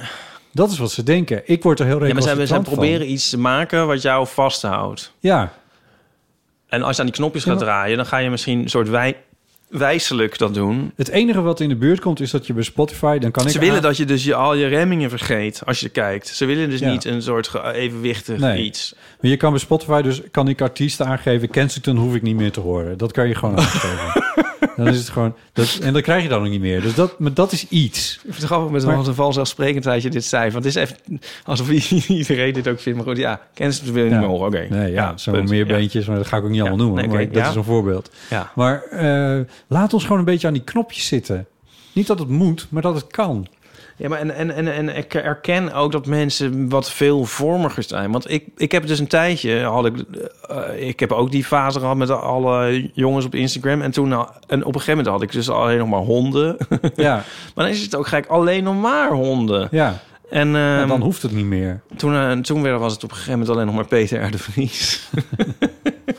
en nu is het, eh, nou ja, nu is het een soort, soort onsamenhangende brei. Ja. Ja. hier word ik ook niet vrolijk Nee, van. Ik nou ja, heb Gordon erin. Ik weet Maar niet daar waarom. kies je dus toch ook niet meer uit. Tenminste, ja, ik, ik, Nee, dan, dan maak je toch ook geen keuze meer nee, uit wat je aangeboden wordt. ja. Maar dus in ieder geval, eh, Stijn, wees blij dat ze je nog niet helemaal door hebben. Ja, Dat zou ik Ja. eigenlijk zeggen. ja misschien wel. Ja, maar ik vind het wel een leuke. Dat in ieder geval. Wil je Zijn er er nog een? meer eh, one small stepjes binnengekomen op jouw telefoon? Ja. Oh, deze. Is helemaal topical. Ze kunnen wel een... Of heb ik die vorige keer al gedaan? Op dit punt van het voorlezen weet ik dat nog niet. Ze kunnen wel een man op de maan zetten. Maar niet uit het torentje. Sarah. Tussen haakjes. Ik ben voor een maximum aantal Amstermijnen voor een minister-president. Dat is wel een goeie. Nou, anders ik wel. Ja.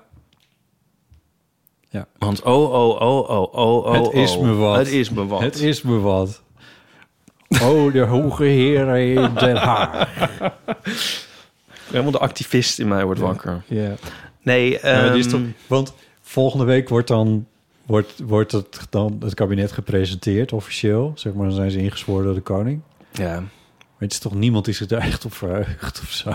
Ik- is het ik- toch helemaal af. Voor zover ik dan nog, nog nieuws volg, vind ik dat men er best wel intrapt.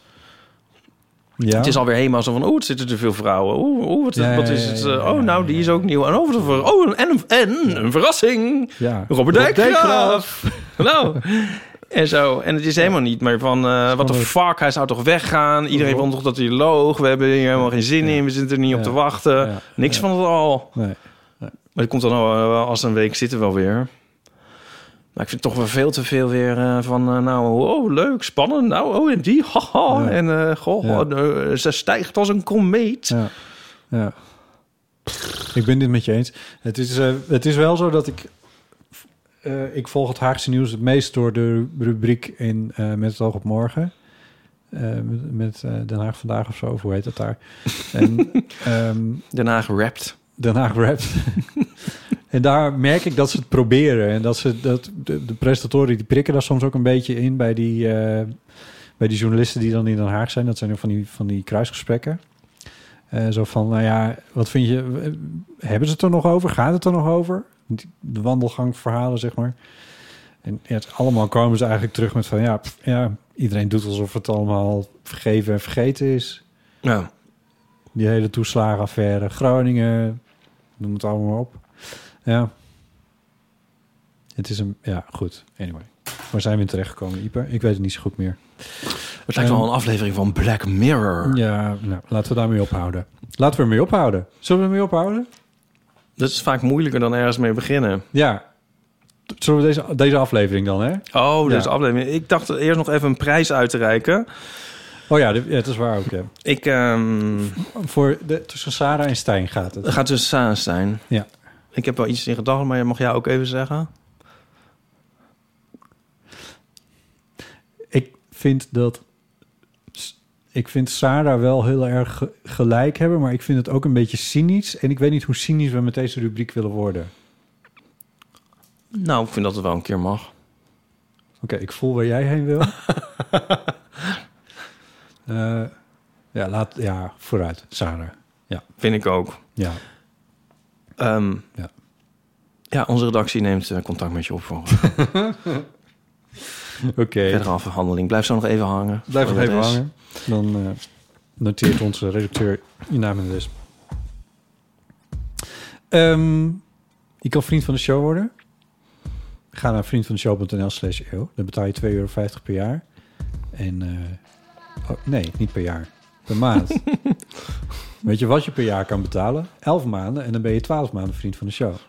Ik begrijp er helemaal niks van. Al die getallen duizel me. Ja. Lu- Luister het nog maar eens even rustig terug in je eigen tijd. Eh, we hebben momenteel 580 vrienden, Ipe Driessen. Ongelooflijk. Ja, Ik vind het wel echt ongelooflijk. ja. Eh, en eh, nieuwe of hernieuwe vrienden van de show zijn Maaike, Cindy. Trimsalon Aveling. Ja, dat Het- kan toch? Je kan ook gewoon je reclame maken als je vriend van de show. Waarom niet? Ja, Bodil. moet alles eruit halen. Bodil. Lawrence. Ja, dat denk ik. Ja. Jolanda. Rob. Björn. Of Bjorn. Bjorn. Ik weet niet of jij misschien niet de moeite hebt genomen om het thema over te typen. Ik ben vrij consistent in mijn trauma's. Oké, Bjorn. Dat is toch een beetje dat Friese wat er in mij zit. Ja. Dan heb je dat nodig. Eh, Stijn En Veerle. en Jeffrey. En Jeffrey. En wat mij opvalt is dat we allemaal... eh, jongensnamen hebben een keer. Nou, Jolanda, Cindy, Maaike. Ja, Rob, Veerle. Bjorn, Stijn, Ja, we hebben... Oké, wel veel. Lawrence. Trimsalon Aveling. Ja. En Bodil weet ik dan even niet. Laurel. Ehm ken je die nog? Wat? Oh, Ja. wat was dat ook alweer? Ja, Jezus, dat was- dit is ook weer zo... De blauw, blauwe jurk, grijze jurk of wat was het, maar dan in audio. Ehm, Ook weer heel boemerig, maar maakt Ja, niet uit. misschien wel. Ja, oh, dat fijn. is waar. Ja. Waarom is dat zo boemerig? Waarom is dat zo?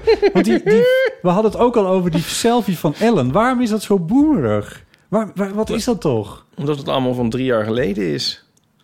Ja, maar boomers zijn van, van, van, van 60 jaar geleden. Ja, maar die komen dus met iets aanzetten. Als iedereen er al lang en breed over uitgepraat is, komen zij er nog eens mee aan. Ja, dat is het. Oh god. Oh, we hadden deze aflevering drie weken geleden moeten maken. Die, die hele AIDS-epidemie die is al lang achter Ja, de rug. ook en dan al- kom jij nog nou, eens met een boek. Dit hangt vanaf wel welk Nee, continent een je hebt, eh, Ipe. Ja, dat Ja. was een grapje. Ehm, ja, oh god. Nou, goed. Mensen, jullie hebben het tot hier geschopt. Gefeliciteerd daarmee. En bedankt. Wat is nou weer voor opmerking? nou ja, dat ze niet afgehaakt zijn door onze boomer gewoon Oh, ja. referenties de hele tijd. Je kan op Apple Podcast een recensie achterlaten en je kan ons beoordelen op Spotify.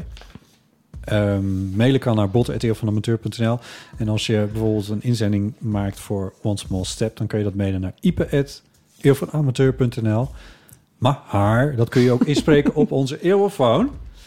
Ehm, en het telefoonnummer daarvan is 06 1990 68 71. Dan krijg je de voicemail. Daar zijn ook andere dilemma's, levenskwesties en reacties eh, welkom. Eh, dus dat kun je altijd even bellen als je dat leuk vindt. Eh, Er was nog één kleine aanvulling slash correctie. Ipe? Ja? Ehm, van Lisette over de rolstoel-wc's hadden we het vorige keer over. Ik zal het even kort samenvatten.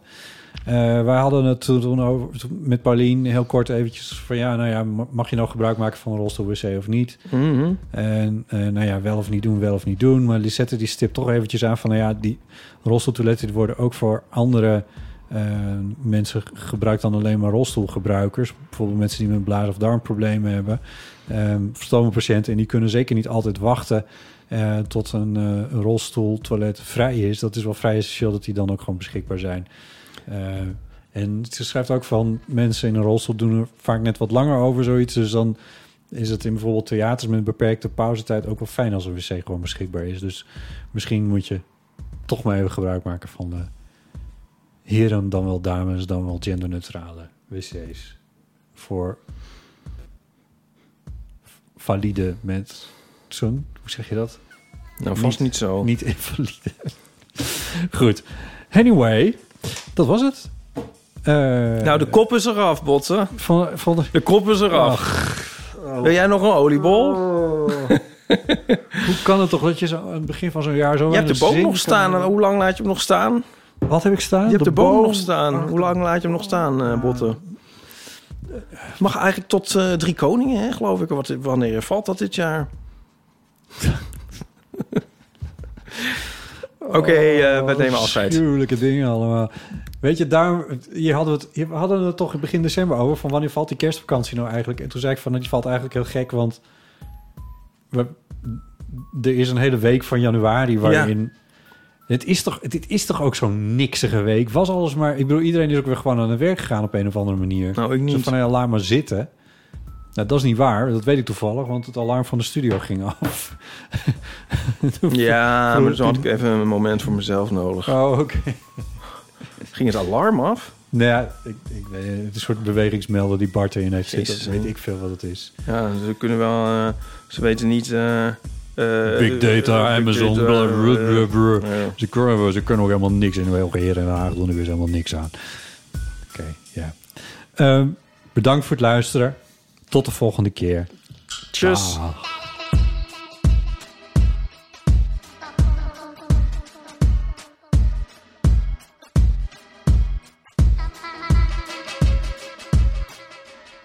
Nog even over die grootse en epische muziektheatervoorstelling. Het achtste leven voor Brilka is een marathonvoorstelling van 5 uur. Koop je tickets voor deze bijzondere theateravond via oostpol.nl.